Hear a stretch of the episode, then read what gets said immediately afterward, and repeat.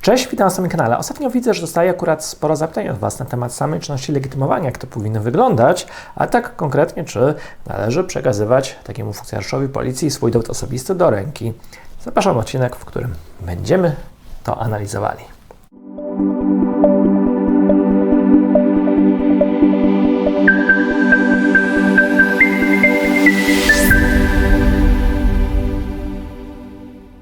Oczywiście to pytanie prawdopodobnie związane z e, jednym z uprawnień policjantów zgodnie z artykułem 15 ustawy o policji. Policjant jest uprawniony do legitymowania osób w celu ustalenia ich tożsamości. To uprawnienie jest również wzmocnione odpowiednią sankcją w postaci kodeksu wykroczeń. Artykuł 65 kodeksu wykroczeń, paragraf pierwszy, przewiduje właśnie taką karę, kto umyślnie wprowadza w błąd organ państwowy lub instytucję upoważnioną z mocy ustawy do legitymowania, czyli w tym momencie przykładowo funkcjonariuszy policji, co do tożsamości własnej lub innej osoby, co do swojego obywatelstwa, zawodu, miejsca zatrudnienia lub zamieszkania polega karze ograniczenia wolności albo karze grzywny.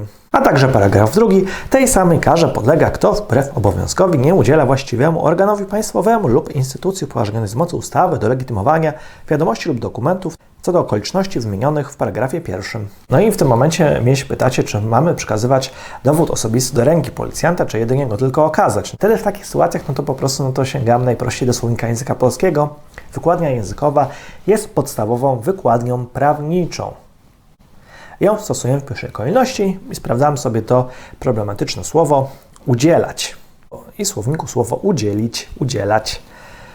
A i tutaj mamy wyjaśnienie. Punkt pierwszy: dać lub użyczyć czegoś.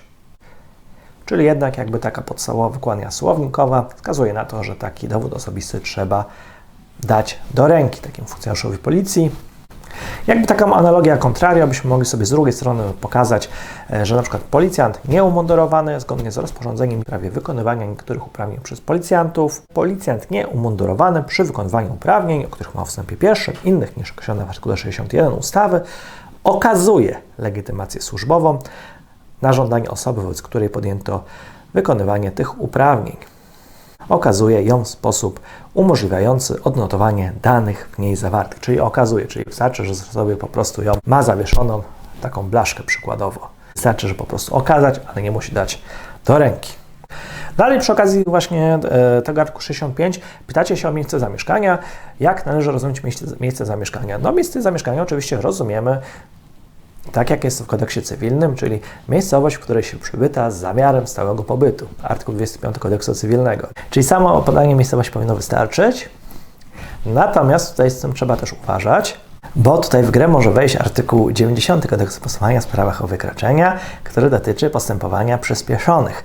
Postępowania przyspieszone stosuje się wobec osób nie mających stałego miejsca zamieszkania lub stałego miejsca pobytu, jeżeli zachodzi uzasadniona obawa, że rozpoznanie sprawy w postępowaniu zwyczajnym będzie niemożliwe lub znacznie utrudnione.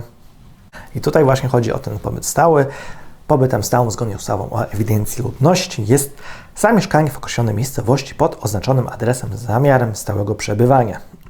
Oczywiście obowiązek meldunkowy jakby już nie jest obarczony tą sankcją karną, ale on jakby nadal istnieje. Dlaczego mówię o postępowaniu przyspieszonym? Względu na artykuł 45 kodeksu wykroczeń, który właśnie nadaje policjantom uprawnienia do zatrzymania takiej osoby wtedy, kiedy zachodzą wobec niej przesłanki do stosowania postępowania przyspieszonego.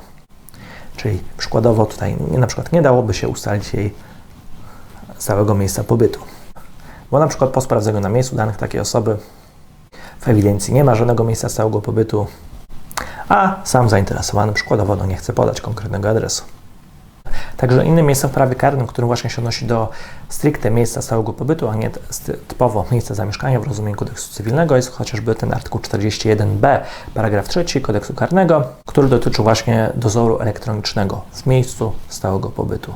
Za na przykład taką sytuację, gdy na przykład podajemy swoje dane osobowe takiemu policjantowi, a chcemy pokazać dowodu osobistego, czy tutaj mamy do czynienia z wykroczeniem? Oczywiście, że nie. Tutaj takiego wykroczenia nie ma. Gdyż tutaj udzieliliśmy uprawnionemu organowi dane dotyczące właśnie naszej osoby. A przypominam, że nie ma obowiązku noszenia dowodów osobistych przy sobie. Ja w każdym bądź razie takiego dowodu nie noszę nigdy. Jak wiemy, że go akurat danego dnia nie będę potrzebował przy sobie. Natomiast też z tym udzieleniem, czyli przekazaniem tego dowodu osobistego jest też o tyle problem, że tutaj teoretycznie istnieje właśnie możliwość narażenia się na artykuł 65a kodeksu wykroczeń. To jest akurat nowy art- artykuł, który został dodany całkiem niedawno do kodeksu, bo w zeszłym roku, zgodnie z którym kto umyślnie nie stosując się do wydawanych przez funkcjonariuszy policji lub straży granicznej na podstawie prawa, poleceń określonego zachowania się, uniemożliwia lub istotnie utrudnia wykonywanie czynności służbowych, podlega karze aresztu, ograniczenia wolności albo grzywny. Na przykład odmowa przekazania takiego dowodu osobistego do ręki może być właśnie potraktowana jako właśnie naruszenie artykułu, artykułu 65a kodeksu wykroczeń. I tyle w tym temacie, a ja tymczasem pozdrawiam.